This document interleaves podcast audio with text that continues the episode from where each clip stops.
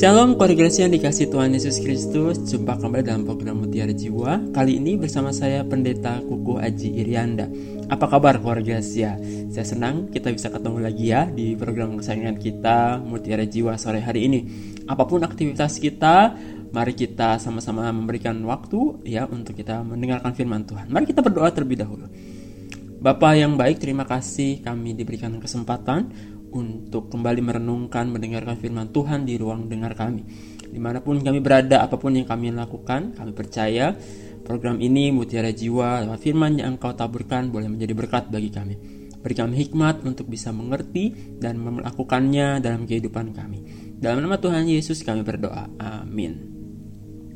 Baik keluarga Sia, saya senang sekali kita bisa ketemu ya di ruang dengar kita hari ini hari Rabu bulan Juli tanggal 18 2023. Tema yang akan kita renungkan pada hari ini adalah menyerukan suara kenabian ya, menyerukan suara kenabian. Tentunya terambil dari kisah seorang nabi ya namanya Yeremia. Yuk kita buka Yeremia 28 ayat 1 sampai dengan 17. Yeremia 28 ayat 1 sampai 17 bagi keluarga Gracia yang di dekatnya ada Alkitab ya atau di HP-nya ada Alkitab boleh membuka Yeremia 28 ayat 1 sampai 17 ya. Yeremia 28 ayat 1 sampai dengan yang ke-17. Sekali lagi Yeremia 28 ya Yeremia 28 ayat 1 sampai 17. Firman Tuhan saya bacakan untuk kita semua firman-Nya. Dalam tahun itu juga, pada permulaan pemerintahan Zedekia Raja Yehuda, dalam bulan yang kelima tahun yang keempat, berkatalah Nabi Hananya bin Asur yang berasal dari Gibeon kepadaku di rumah Tuhan, di depan mata imam-imam dan seluruh rakyat. Kata Hananya, Beginilah firman Tuhan semesta alam Allah Israel. Aku telah mematahkan kuk Raja Babel itu, dalam dua tahun ini, aku akan mengembalikan ke tempat ini segala perkakas rumah Tuhan yang telah diambil dari tempat ini oleh Nebukadnezar Raja Babel yang diangkutnya ke Babel. Juga Yekonya bin Yoyakim, Raja Yehuda, beserta semua orang buangan dari Yehuda yang dibawa ke Babel akan kukembalikan ke tempat ini. Demikianlah firman Tuhan. Sungguh aku akan mematahkan kuk Raja Babel itu Lalu berkatalah Nabi Yeremia kepada Nabi Hananya di depan mata imam-imam dan di depan mata seluruh rakyat yang berdiri di rumah Tuhan itu. Kata Nabi Yeremia, Amin. Moga-moga Tuhan berbuat demikian. Moga-moga Tuhan menepati perkataan-perkataan yang kau nubuatkan itu dengan mengembalikannya perkakas-perkakas rumah Tuhan dan semua orang buangan itu dari Babel ke tempat ini. Hanya Dengarkanlah hendaknya perkataan yang akan kukatakan ke telingamu dan ke telinga seluruh rakyat ini. Nabi-nabi yang ada sebelum aku dan sebelum engkau dari dahulu kala telah bernubuat kepada banyak negeri dan terhadap kerajaan-kerajaan yang besar tentang perang dan malapetaka dan penyakit sampar. Tetapi mengenai seorang nabi yang bernubuat tentang damai sejahtera, jika nubuat nabi itu digenapi maka haruslah ketahuan bahwa nabi itu benar-benar diutus oleh Tuhan. Kemudian Nabi Hananya mengambil gandar itu daripada tengkuk Nabi Yeremia lalu mematahkannya. Berkatalah Hananya di depan mata seluruh rakyat itu. Beginilah firman Tuhan. Dalam dua tahun ini begitu jugalah aku akan mematahkan kuk Nebukadnezar, Raja Babel itu, daripada tengkuk segala bangsa. Tetapi pergilah Nabi Yeremia dari sana. Maka sesudah Nabi Hananya mematahkan gandar daripada tengkuk Nabi Yeremia, datanglah firman Tuhan kepada Yeremia. Pergilah mengatakan kepada Hananya, Beginilah firman Tuhan, Engkau telah mematahkan gandar kayu, tetapi aku akan membuat gandar besi sebagai gantinya. Sebab beginilah firman Tuhan semesta alam, Allah Israel. Kuk besi akan kutaruh ke atas tengkuk segala bangsa ini, sehingga mereka takluk kepada Nebukadnezar Raja Babel. Sungguh mereka akan takluk kepadanya. Malahan binatang-binatang di padang telah kuserahkan kepadanya. Lalu berkatalah Nabi Yeremia kepada Nabi Hananya, Dengarkanlah hai Hananya, Tuhan tidak mengutus engkau, tetapi engkau telah membuat bangsa ini percaya kepada dusta. Sebab itu beginilah firman Tuhan. Sungguhnya aku menyuruh engkau pergi dari muka bumi. Tahun ini juga engkau akan mati sebab engkau telah mengajak murtad terhadap Tuhan. Maka matilah Nabi Hananya dalam tahun itu juga pada bulan yang ketujuh. Ya, koregresi pembacaan kita cukup panjang ya. Ini berkisah tentang ada dua orang nabi. Ya, tapi sebelum kita masuk ke firman Tuhan, saya mau cerita tentang seorang raja yang terkenal sangat-sangat bijaksana ya. Nah, Gracia suatu kali ada seorang raja yang terkenal sangat bijaksana ya. Tapi sayang um, dia ketika berkuasa Gracia tidak memiliki keturunan untuk melanjutkan kepemimpinannya. Nah, tapi yang menarik dia punya lima menteri yang juga senantiasa menjadi penasehat gitu ya. Dan dia mengatakan, Kirimlah satu utusan dari tiap keluargamu, seorang pemuda yang sehat, gagah, dan berpendidikan. Saya akan mengadakan sebuah sayembara untuk menggantikanku sebagai seorang raja. Ya, itulah keluarga. Jadi karena tidak punya keturunan, maka raja ini akan menyerahkan kekuasaannya kepada anak menteri, salah satu anak menteri yang dimiliki raja. Maka para menteri pulang ke rumah untuk mengutus anaknya yang terbaik. Para menteri berharap bahwa anaknya lah yang akan memenangkan sayembara itu. Wah, pastinya keluarga Sia ya. Nah, kira-kira sayembaranya apa? Nah, setelah lima anak menteri ini datang, maka raja membagikan pada setiap peserta sebutir biji untuk ditanam. Ya, e, nggak tahu ini biji apa, ya, tidak dijelaskan. Tapi raja berkata, Tanam dan peliharalah biji ini sebaik-baiknya. Satu tahun lagi, kalian harus membawa dan mempertunjukkan hasilnya. Ya, pokoknya raja nggak menjelaskan ini biji apa, pokoknya tanam, gitu ya, kepada lima wakil ya dari keluarga menteri ini. Nah, yang menarik dari lima peserta, ada satu peserta perempuan, ya sebut saja namanya Diana ya yang mendapati kalau bibit miliknya bijinya itu ya biji yang diberikan tidak mau tumbuh ya sekalipun sudah disiram dipupuk, dijemur, diletakkan di greenhouse dan lain sebagainya. Pokoknya diusaha ya supaya biji ini tumbuh, tetapi nggak tumbuh-tumbuh itu benihnya. Nah, satu tahun dia rawat dengan penuh kasih sayang, tetap aja nggak ada tanda-tanda kehidupan. Nah, yang membuat Diana makin sedih selain dia peserta perempuan satu-satunya gitu ya dia juga udah nggak pede ya para pemuda yang lain teman-temannya ini berhasil ya jadi bibit atau benih yang dikasih raja itu uh, tumbuh ya Sia wah jadi yang nggak tumbuh cuma benihnya yang dimiliki oleh Diana nah maka pada waktu yang telah ditentukan semua peserta sayembara datang kembali menghadap raja ya dengan membawa pot ya pot yang berisikan tanaman yang tumbuh dari bibit atau benih pemberian sang raja tadi. Nah, termasuk juga ada Diana di situ. Nah, raja melihat dengan senang kepada setiap peserta sayembara. Ya, karena tanaman yang tumbuh begitu uh, tinggi ya, subur dan lain sebagainya. Tapi yang menarik warga ya, raja lebih tertarik pada pot yang dibawa Diana. Dia kagum dengan empat pot yang lainnya, tapi dia justru sang raja ini lebih tertarik dengan pot yang dibawa oleh Diana.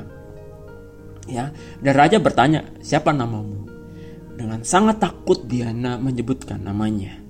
Ya, dia sudah dapat memperkirakan bagaimana nasibnya ya ketika telah mempermalukan raja karena bibitnya gagal tumbuh. Ya, Diana dianggap ya uh, mengabaikan ya uh, pemberian raja. Tapi tiba-tiba raja datang mendekat dan menarik tangan Diana untuk ditarik ke atas begitu ya dan berdiri maju ke atas panggung di mana terletak kursi singgasana raja. Jadi raja menarik tangan Diana diangkat ke atas dan menuntun Diana menuju kursi singgasana raja. Ya, dengan suara keras raja berkata, "Inilah Ratu Diana." Dia adalah ratu yang akan meneruskan tahtaku. Ya. Semua orang yang mendengar di ruangan itu sangat terkejut. Termasuk Diana sendiri ya keluarga guys ya. Dia sudah deg-degan luar biasa, dia takut dihukum, merasa gagal. Tapi ternyata yang ditunjuk oleh raja adalah Diana, dia sendiri yang dilantik uh, ya, yang mau dilantik untuk menjadi pengganti raja. Ya, dan ternyata yang meneruskan bukan seorang laki-laki tapi seorang perempuan. Jadi kerajaannya berpindah kepada seorang ratu. Nah, ternyata Korgidasia dengan cerdik raja berhasil mengetes kesungguhan dan kejujuran para peserta sayembara. Ternyata bibit atau biji atau benih yang diberikan raja kepada lima pemuda tadi ya itu adalah bibit yang tidak mungkin tumbuh karena sudah dimasak matang lebih dulu ya jadi sebuah biji yang tidak mungkin tumbuh karena sudah mati karena sudah dimasak lebih dulu digodok direbus sama raja gitu ya sehingga yang dipilih oleh raja adalah Diana untuk menggantikan kedudukannya menjadi seorang ratu di kerajaannya itu. Nah, keluarga yang dikasih oleh Tuhan Yesus Kristus, apa pelajaran penting yang bisa kita petik ya dari kisah um, Diana tadi? Bahwa berbicara soal kejujuran itu ternyata tidaklah mudah. Ya, sekali lagi, memberitakan, mengungkapkan sebuah kebenaran itu kadang-kadang banyak tantangannya. Ya, untuk berkata jujur, ya kadang-kadang kita nggak bisa sama seperti empat pemuda tadi yang menutupi ya bahwa ternyata benihnya memang nggak bisa tumbuh. Tetapi ya dari lima orang tadi ya ternyata hanya Diana atau 20% ya yang mampu untuk berkata apa adanya, mampu untuk mengatakan kebenaran. Nah, mudah-mudahan kita juga adalah menjadi bagian ya dari 20% itu. Ya orang-orang terkhusus kita anak-anak Tuhan yang tetap terus berani menyuarakan kejujuran dan kebenaran. Nah, keluarga Gasia, Yeremia adalah seorang nabi yang juga ditantang oleh Tuhan untuk juga mengatakan kejujuran. Meskipun penderitaannya begitu berat, ya. Kalau kita membaca pasal-pasal sebelumnya, ya, terutama di pasal 27, Tuhan itu meminta memerintahkan Nabi Yeremia untuk membuat gandar atau membuat kuk, ya. Di ayat yang kedua pasal 27, beginilah firman Tuhan kepadaku. Buatlah tali pengikat dan gandar kuk, lalu pasanglah itu pada tengkukmu. Itu kata Tuhan kepada Nabi Yeremia. Nah, kenapa kemudian ada seorang nabi Tuhan yang diminta Tuhan untuk uh, dipasangi kuk, ya?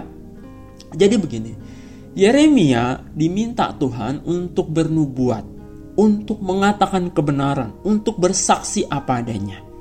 Apa nubuat yang diminta Tuhan untuk ia sampaikan kepada nabi, kepada seluruh umat Israel pada waktu itu? Ternyata nubuat yang diminta Tuhan disampaikan uh, oleh Yeremia kepada seluruh bangsa itu adalah hukuman. Ya. Hukumannya apa? Pembuangan ke Babel seluruh ya rakyat uh, Israel. Ya, jadi ternyata ini adalah berita yang sangat pahit yang harus disampaikan oleh Nabi Yeremia. Ya, di ayat yang kelima di pasal 27 firman Tuhan berbunyi demikian. Akulah yang menjadikan bumi, manusia, dan hewan yang ada di atas muka bumi dengan kekuatanku yang besar, firman Tuhan. Dan sekarang aku menyerahkan segala negeri ini ke dalam tangan hambaku, yakni Nebukadnezar, Raja Babel. Ayat yang ke-8. Dan yang tidak mau menyerahkan tengkuknya ke bawah kuk Raja Babel, maka bangsa itu akan dikuhukum dengan pedang, kelaparan dan penyakit sampar. Demikianlah firman Tuhan. Wah, jadi kuk yang dipakai oleh Nabi Yeremia itu adalah simbol bahwa Israel akan menerima hukuman. Ya, jadi e, menderita juga ya jadi Nabi Yeremia ya. Karena keluarga tahu kuk itu adalah sebuah alat ya yang dipakai untuk hewan ternak supaya kita bisa mengendalikannya ya yang ada di leher itu ya. Jadi kuk itu dipasang untuk um, apa ya sapi gitu ya. Supaya bisa kita kendalikan maka ada kuk yang ada di leher. Dan itu berat koregrasi karena terbuat dari kayu yang tebal begitu ya. Nah ternyata itu adalah simbol di mana Tuhan sedang menyiapkan hukuman. Bahkan di pasal 18 ayat 11 di kitab Yeremia di situ firman Tuhan berkata begini Sesungguhnya aku sedang menyiapkan malapetaka terhadap kamu dan merancangkan rencana terhadap kamu. Wah, ternyata Tuhan memang sedang punya rencana untuk menghukum bangsa Israel umat pilihannya ini ke tanah pembuangan yaitu di Babel. Nah, pertanyaannya, kenapa sih Allah harus menghukum umat pilihannya sendiri? Nah, tidak lain dan tidak bukan Allah sesungguhnya sedang sakit hati kepada Gracia. Hatinya itu sedang pedih, sedang perih, teriris-iris oleh karena kelakuan umatnya apa yang dilakukan oleh Israel sehingga Allah kemudian berniat untuk mendatangkan malapetaka, sedang menyiapkan malapetaka untuk umat pilihannya sendiri. Nah, ternyata di ayat yang ke-15 pasal 18 di situ dikatakan begini. Tetapi umatku telah melupakan aku. Mereka telah membakar korban kepada dewa kesia-siaan. Mereka telah tersandung jatuh di jalan-jalan mereka. Di pasal 19 ayat 5. Mereka telah mendirikan bukit-bukit pengorbanan bagi Baal untuk membakar anak-anak mereka sebagai korban bakaran kepada Baal. Suatu hal yang tidak pernah kuperintahkan atau kukatakan dan yang tidak pernah timbul dalam hatiku. Wah, ternyata keluarga Gracia, pedih dan sakitnya hati Allah itu karena umatnya Israel telah melupakan dia. Allah yang membebaskan bangsa Israel Allah yang sudah begitu baik melepaskan Israel dari penjajahan eh, di Mesir. Allah yang um, mengasihi, memilih, mencintai, menyayangi, mengikat perjanjian dengan umatnya. Ya, ternyata umatnya justru membelakangi dan mengkhianati Allah sendiri. Semua kebaikan yang sudah dilakukan Allah menuntun mereka sampai tanah perjanjian ya, di tanah Kanaan, tanah yang berlimpah kebaikan yang berlimpah berkat di sana. Ketika mereka sudah berpuluh-puluh tahun hidup damai sejahtera, mereka melupakan Tuhan. Ya, semua hal baik yang Tuhan kerjakan, limpahkan dalam hidup mereka beserta dengan nenek moyang mereka itu semua tidak cukup keluarga. Ya, dan memang akar dari perselingkuhan atau ketidaksetiaan itu adalah tidak ada rasa cukup. Ya, tidak bisa bersyukur untuk kebaikan pasangan kita, untuk kesetiaan pasangan kita, untuk cinta yang sudah diberikan pasangan kita. Nah, kira-kira begitulah yang dirasakan oleh Tuhan. Ketika umatnya membalik belakangi Tuhan, tidak setia, ya, mengkhianati Tuhan, berselingkuh, ya. Kalau misalkan kita pakai analogi Nabi Hosea, ya, uh, firman Tuhan mengatakan bangsa ini tuh sudah bersundal berat, ya. Aduh itu satu kata-kata yang sangat-sangat kasar ya. Jadi oleh sebab itu itulah alasan um, Allah ingin menghukum ya. Kesabarannya itu udah cukup begitu ya. Kenapa? Karena Allah sesungguhnya sudah memberikan banyak kesempatan untuk bangsa Israel bertobat ya di pasal 18 ayat 8 misalkan ya Nabi Yeremia diminta untuk memberitakan tetapi apabila bangsa yang terhadap siapa aku berkata demikian telah bertobat dari kejahatannya, maka menyesal aku, firman Tuhan, bahwa aku hendak menjatuhkan, menjatuhkan malapetaka yang kurancangkan itu terhadap mereka. Ya, pertanyaannya adalah, apakah Israel bertobat ketika Nabi Yeremia mengatakan itu? Tidak, keluarga tidak. Kalau misalkan keluarga baca uh, pasal 18 ayat 12, di situ dikatakan, tetapi mereka umat Israel berkata, tidak ada gunanya. Sebab kami hendak berkelakuan mengikuti rencana kami sendiri dan masing-masing hendak bertindak mengikuti kedegilan hatinya yang jahat. Ya, jadi keluarga Gracia Allah sudah kehilangan kesabaran dan Yeremia diminta Tuhan untuk menyuarakan kebenaran. Meskipun itu pahit, meskipun itu banyak tantangan, Meskipun Nabi Yeremia pun nyawanya hampir terancam ya. Kalau keluarga Gracia baca uh, pasal 18 ya, atau misalkan uh, pasal 20 di situ uh, umat Israel tuh berbondong-bondong ya merencanakan pembunuhan loh untuk Nabi Yeremia ya. Lalu ada seorang imam ya di pasal 20 namanya Pasyur ya. Dia waktu itu menjabat kepala uh, di rumah Tuhan begitu ya. Memukul Nabi Yeremia dan memasung dia di pintu gerbang Benyamin yang ada di atas rumah Tuhan. Ya jadi bisa dibayangkan Yeremia di uber-uber. di uber-uber itu artinya dikejar-kejar begitu ya, ingin dibunuh. Lalu juga ada seorang imam kepala yang menampar atau memukul Nabi Yeremia lalu memasung dia dengan mempermalukan dia diletakkan di pintu gerbang Benyamin yang ada di atas rumah Tuhan. Dan kali ini Tuhan pun ya menambahkan lagi beban Yeremia untuk memasang kuk di pundaknya sebagai simbol bahwa hukuman Tuhan akan berlaku. Nah, yang menarik, kemudian datanglah seorang nabi namanya Hananya, ya, yang tadi kita baca di pasal 28. Nah, Nabi Hananya ini mengambil gandar yang ada di pundaknya Nabi Yeremia, kemudian mematahkannya. Wah, ini menarik nih. Jadi ada sekarang ada nabi baru ya, nabi baru yang muncul namanya Hananya. Hananya berkata di ayat yang kedua pasal 28 yang tadi kita baca. Beginilah firman Tuhan semesta alam ala Israel. Aku telah mematahkan kuk Raja Babel itu. Dalam dua tahun ini aku akan mengembalikan ke tempat ini segala perkakas rumah Tuhan yang telah diambil dari tempat ini oleh Nebukadnezar Raja Babel dan yang diangkutnya ke Babel. Sungguh aku Tuhan akan mematahkan kuk Raja Babel itu. Wah, ternyata ada seorang nabi nih ya yang menyuarakan bukan soal hukuman tetapi soal uh, pembebasan begitu ya. Nah, apa reaksi Yeremia di ayat yang ke-8? Amin. Moga-moga Tuhan berbuat demikian. Moga-moga Tuhan menepati perkataan-perkataan yang kau nubuatkan itu. Jika nubuat nabi itu digenapi, maka barulah ketahuan bahwa nabi itu benar-benar diutus oleh Tuhan. Nah, itulah reaksi nabi Yeremia, ya. Jadi um, Nabi Yeremia mengatakan hukuman, sedangkan Hananya mengatakan kebalikannya, begitu ya. Uh, Nabi Yeremia mengatakan satu hal yang pahit, tetapi Nabi Hananya mengatakan suatu hal yang manis. Nah, kalau menurut keluarga Gracia sendiri, mana yang benar nih? Ya, Hananya atau Yeremia?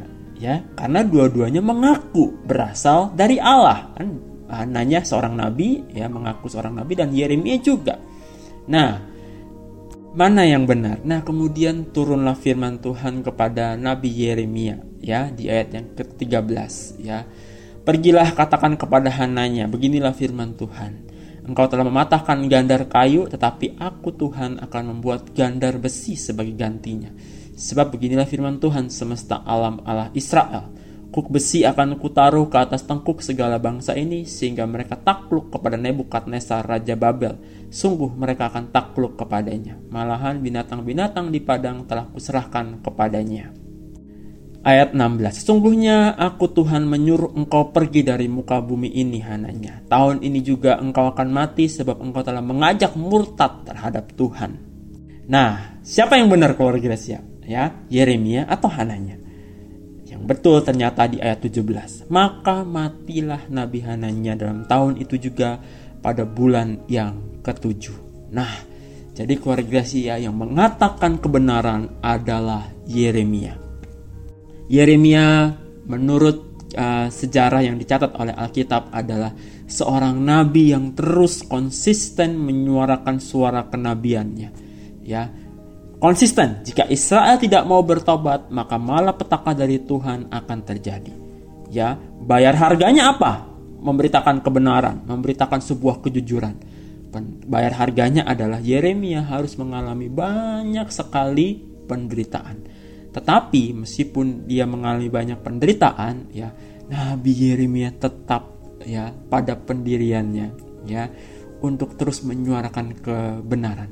Kalau keluarga Gracia baca sampai pasal 20, eh, 38 ya ke depan begitu ya maka keluarga Gracia akan menemukan di pasal 38 itu di mana Nabi Yeremia juga dibuang ke sumur.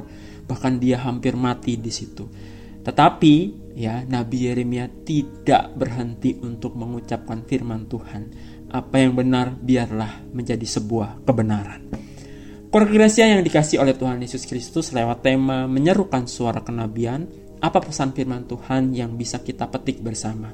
Setidaknya ada tiga poin firman Tuhan. Yang pertama, Korgresia ingatlah bahwa kebenaran haruslah tetap menjadi sebuah kebenaran. Kebenaran haruslah tetap menjadi sebuah kebenaran. Kenapa ini penting? Karena kadang-kadang ada godaan bagi kita untuk tidak berkata kebenaran. Ada godaan bagi kita untuk memanipulasinya ada godaan bagi kita untuk mengutak-ngatiknya ya sehingga kita tidak berani atau tidak bisa atau mungkin tertekan begitu ya sehingga kita tidak mau untuk mengatakan sebuah kebenaran. Ya, tapi firman Tuhan hari ini ingin mengingatkan kita semua bahwa apa pun tantangannya, ya apa pun hambatannya, apa pun pressure-nya, apa pun tekanannya, kebenaran haruslah tetap menjadi sebuah kebenaran. Saya tahu ini tidaklah mudah untuk dilakukan. Tetapi Gracia, poin yang kedua yaitu apa? Kebenaran haruslah tetap diberitakan. Ya, yang pertama kebenaran harus tetap menjadi kebenaran. Poin yang kedua, kebenaran itu haruslah tetap diberitakan. Kita mau belajar dari seorang nabi yang sangat-sangat jujur yang bernama Yeremia. Meskipun dia dipasung, dipermalukan, meskipun dia uh, diancam begitu ya, meskipun dia uh, difitnah dan lain sebagainya, dipukul ya, tetapi dia tetap memberitakan kebenaran itu dengan sebaik-baiknya. Pertanyaannya adalah, apakah kemudian Yeremia pernah menyerah? Pernah capek dengan segala tantangan itu? Pernah koregrasi ya. Karena memberitakan satu hal yang pahit, tetapi itu sebuah kebenaran dengan segala konsekuensinya. Itu pasti orang gak mudah, gak gampang, dan kita juga ada godaan untuk mundur. Udahlah capek Tuhan, ngapain aku? Ibaratnya ya nasehatin sebuah bangsa yang degil hatinya. Ngapain aku memberitakan kebenaran sedangkan itu um, membahayakan nyawaku sendiri? Kalau keluarga Gasia baca pasal 20 ya ayat yang ke-11 tetapi Tuhan menyertai aku seperti pahlawan yang gagah sebab itu orang-orang yang mengejar aku akan tersandung jatuh. Ya itu kata uh, Nabi Yeremia. Ketika dia mau berniat berhenti. Ya. Ayat yang ke-9 pasal 20 masih ayat yang uh, pasal yang sama. Tetapi apabila aku berpikir aku tidak mau mengingat Tuhan dan tidak mau mengucapkan firman lagi demi namanya maka dalam hatiku ada sesuatu yang seperti api yang menyala-nyala terkurung dalam tulang-tulangku aku berlelah-lelah untuk menahannya tetapi aku tidak sanggup nah ini adalah satu refleksi dari seorang nabi ketika dia udah mau give up, ketika dia udah capek, ketika mungkin dia udah burn out gitu ya. Udah lelah banget, udah jenuh banget gitu ya. Aku udah mau berhenti aja lah Tuhan, aku udah capek. Ya aku di uber-uber begini padahal aku mengucapkan uh, nubuatmu, padahal aku bekerja demi namamu, padahal aku melayani Tuhan demi namamu begitu ya. Uh, udahlah ya. Tetapi kemudian yang Yeremia mengucapkan sendiri, kalau misalkan aku berpikir aku nggak mau mengingat Tuhan dan nggak mau mengucapkan firman demi namanya lagi, tetapi dalam hatiku ada sesuatu yang seperti nyala api yang menyala-nyala. Ya, dalam hatiku tetap ada suara yang tetap terus memintaku menyatakan kebenaran, menyuarakan kebenaran, gitu ya. Dalam tulang-tulangku, ya, um, seperti api yang menyala-nyala, gitu ya. Aku nggak sanggup menahannya. Aku harus mengatakannya. Nah, keluarga Gracia betul bahwa kadang-kadang tidak mudah, ada konsekuensi, betul. Tetapi percayalah bahwa sesungguhnya Roh Kudus senantiasa sama seperti Nabi Yeremia yang di dalam hati kita itu suara Roh Kudus itu selalu mengingatkan kita ya untuk tidak berhenti mengatakan hal yang sebenarnya untuk tidak berhenti mengatakan kebenaran meskipun itu konsekuensinya uh, tidak mudah. Nah, poin yang ketiga yang kita bisa petik adalah perlu hikmat di dalam kita mencari kebenaran. Nah, ini yang ketiga. Perlu hikmat di dalam mencari kebenaran. Nah, kita bisa belajar dari kisah Hananya dan Yeremia ya di mana ada dua orang yang mengaku nabi ya yang satu nabi Hananya yang satu Yeremia Nah, mana yang betul? Nah, ini ketika kita mungkin ada di posisi itu, ya. Ketika ada seorang katakanlah A mengaku mengatakan kebenaran. Seorang lagi B mengaku juga mengatakan kebenaran. Nah, apa yang mesti kita lakukan? Nah, ini betul-betul hal yang tidak mudah ya, koregrasia. Oleh sebab itu, poin yang ketiga adalah perlu hikmat di dalam mencari kebenaran. Saya suka dengan konsep yang dipunyai oleh umat Islam yang dinamai tabayun. Ya, tabayun itu menurut Kementerian Agama adalah meneliti, ya, memahami, mencari tahu, atau memverifikasi. Nah, kalau seandainya Gracia ada di tengah-tengah uh, posisi yang tengah-tengah A mengatakan benar, B mengatakan benar, maka yang perlu kita lakukan pertama-tama adalah minta hikmat dari Tuhan. Ya, Tuhan tunjukkan mana yang benar. Yang kedua, yang perlu kita lakukan adalah kita dengarkan keduanya. Itu makna dari sebuah tabayun. Jadi memverifikasi, kita dengarkan yang A, kita juga dengarkan yang B. Jangan pernah mengambil kesimpulan ketika kita hanya baru mendengar satu orang aja atau satu versi saja. Tetapi dalam kita mencari kebenaran itu, ya, kita perlu mendengarkan keduanya. Nah, ini yang juga dilakukan oleh Nabi Yeremia. Ya, oleh sebab itu Nabi Yeremia mengatakan amin, moga-moga terjadi. Ya, tetapi kemudian Yeremia diberitahukan Tuhan ya yang maha benar itu ya bahwa itu tidak akan terjadi hukuman tetap akan turun.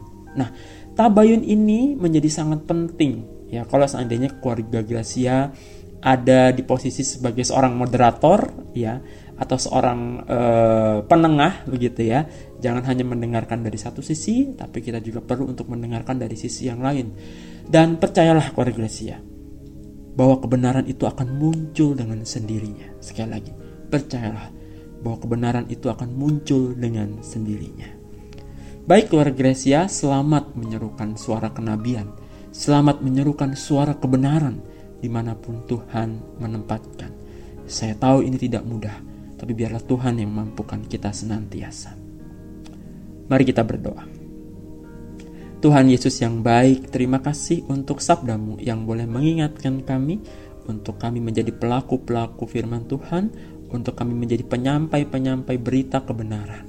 Biarlah ketika mungkin budaya hoax, budaya memberitakan berita palsu itu marak, apalagi menjelang tahun-tahun politik seperti ini, kami akan banyak menemukan berita yang tidak benar. Biarlah kami memverifikasinya. Biarlah kami tidak tergoda untuk meneruskannya, melainkan kami tetap kukuh ya, berada di posisi kami membela yang benar, kami mengatakan yang benar. Terima kasih Tuhan Yesus untuk firman-Mu. Kami boleh belajar dari kisah Nabi Yeremia. Amin. Baik, keluarga Gracia, terima kasih. Keluarga Gracia sudah bergabung mendengarkan firman Tuhan di program Mutiara Jiwa pada sore hari ini. Kiranya firman Tuhan kali ini boleh menjadi berkat bagi saya dan keluarga semua. Terima kasih, saya Pendeta Kuku Aji Irianda pamit undur diri. Sampai ketemu lagi di program Mutiara Jiwa selanjutnya. Tetap sehat, tetap semangat. Tuhan Yesus memberkati kita semua. Amin.